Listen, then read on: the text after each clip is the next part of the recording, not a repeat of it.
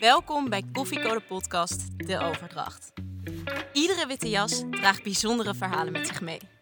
In deze serie delen mensen in de zorg hun verhaal met jou.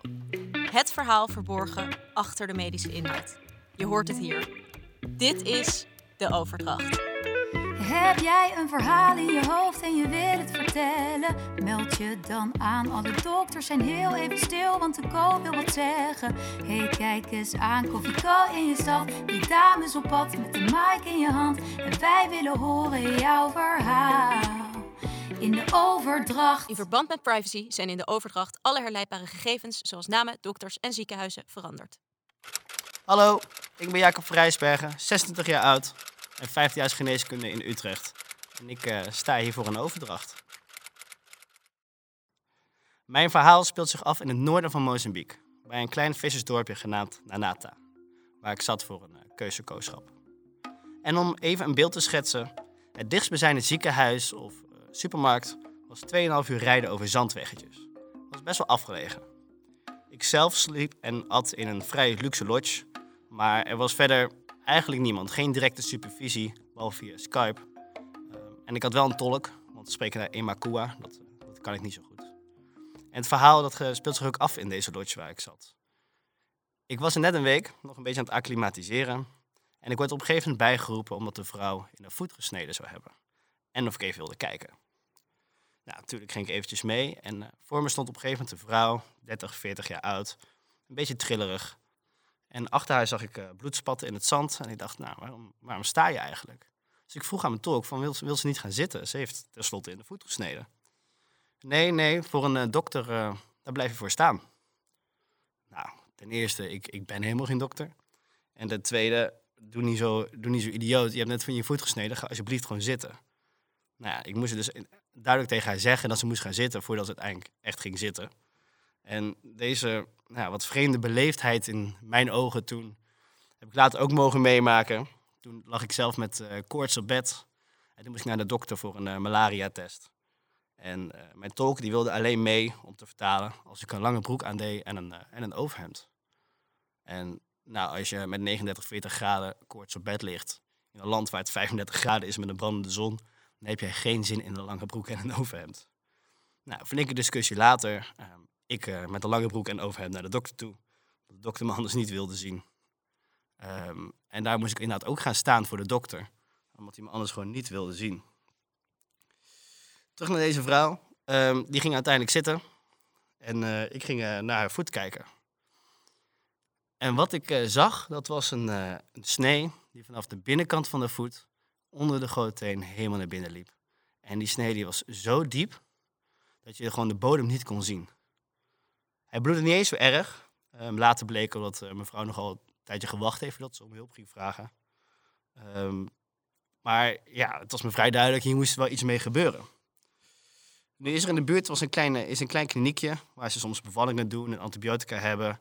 Of inderdaad dus sneltesten doen voor malaria. En ik dacht, nou, ze kunnen, er, ze kunnen daar vast wel hechten.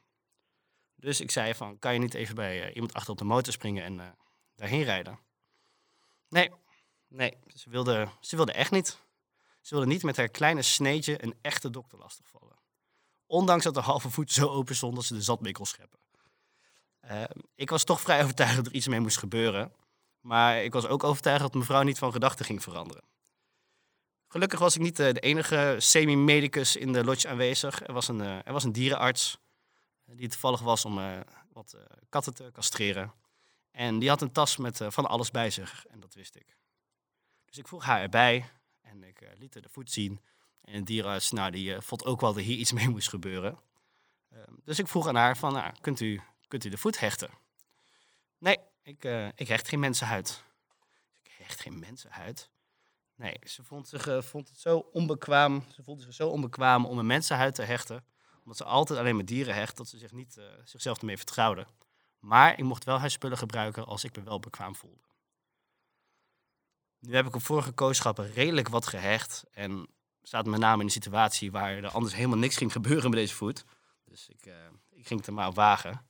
En inderdaad, de dierenarts haalde uh, van alles tevoorschijn. Hechtdraad, steriele handschoenen, naald voor de pincet. En met het uh, papier van de steriele handschoenen kon ik zelfs een steriel veld maken. Um, daarbij wel zeggende dat het hele, het hele gebeuren op een stoep ging plaatsvinden, ergens uh, te Zetzand. Um, en ik een tolk had die niet tegen bloed kan of wonden, of me iets wat ermee te maken had. En ik hem ongeveer elke vijf minuten weer terug moest roepen omdat hij wegliep. En dat is natuurlijk erg onhandig. Als je met allerlei naalden aankomt zetten bij uh, mijn vrouw en je niet kan vertellen wat je gaat doen. Maar je wel haar ogen steeds groter ziet worden. Mijn uh, steriel veld die, kreeg met de eerste windvlaag een bak zand over zich heen. En met de tweede waaide die om. Tot zover mijn steriliteit. Naast de twintig vliegen die telkens om mijn bebloede naald gingen zitten. Wat bleek, mevrouw die schaamde zich zo voor haar snee in de voet, dat ze die eerst heel lang in de zee heeft laten weken. Waardoor hij inderdaad niet meer zo bloedde, maar de huid inderdaad helemaal week was. Met het gevolg dat als je ook maar even die knoop probeerde aan te trekken, dat die huid helemaal open scheurde. En uh, dat werd dus eigenlijk helemaal niks. Nou, veel pogingen en hechtsetjes later en veel pijn voor mijn vrouw, want ik had geen niet echt verdoving, heb ik er zeven nou, behoorlijk matige hechtingen ingezet. En uh, toen zei ik tegen haar dat ik haar uh, vrijdag, dat was vijf dagen later, wilde zien om acht uur s ochtends.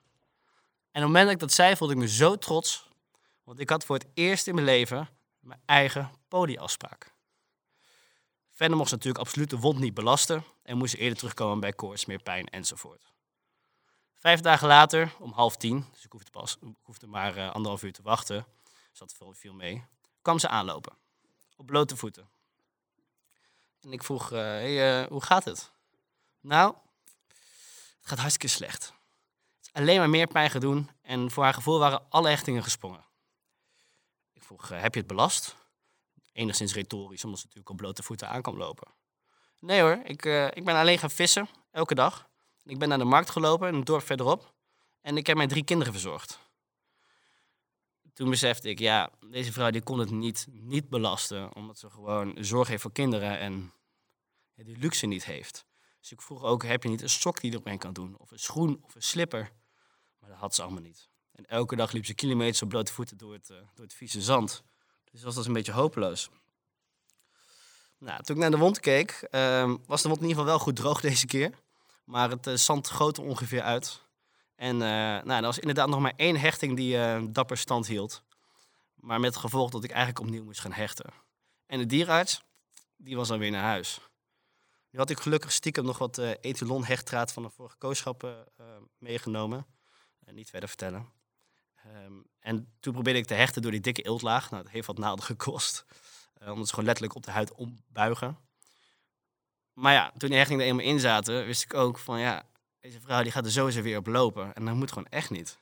Dus hoe bescherm ik die wond? Wat kan ik doen om te zorgen dat hij niet helemaal open springt?